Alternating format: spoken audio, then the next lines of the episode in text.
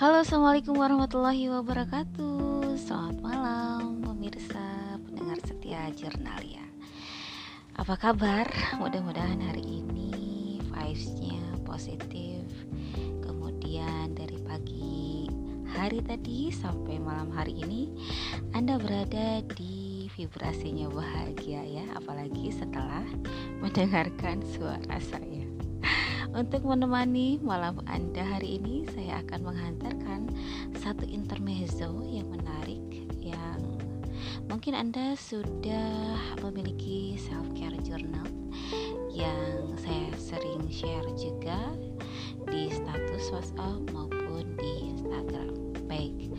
Jadi begini teman-teman, ada secuil kalimat atau tulisan yang bisa kita evaluasi di beberapa minggu ke depan. Kemudian itu ternyata menjadi sebuah kenyataan. Dan itu saya sering kali menuliskannya hmm, secara sadar sih ya dengan pola-pola tertentu. Kemudian saya suka evaluasi di minggu kelima, ketujuh atau tiga belas. Kemudian saya sering kali terkagum-kagum melihat kenyataan, melihat yang saya dapatkan.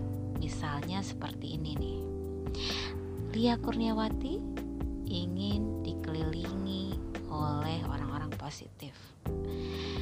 Mungkin di beberapa waktu lalu saya berada di lingkungan orang-orang yang kurang mendukung, mendukung, ya, kurang mendukung dalam pertumbuhan segala sesuatu baik itu bisnis, karir, finansial dan sebagainya secara perlahan namun pasti uh, seleksi alam ya.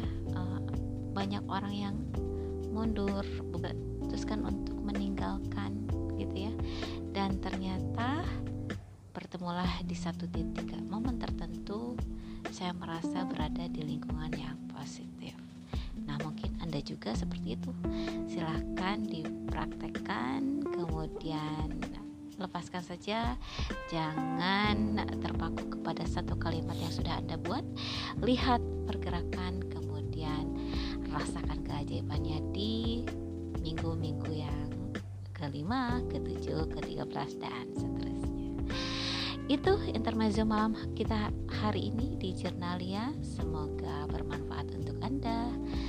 Salam hangat dari sahabat kamu, Tia Kurniawati. Sampai jumpa. Bye bye. you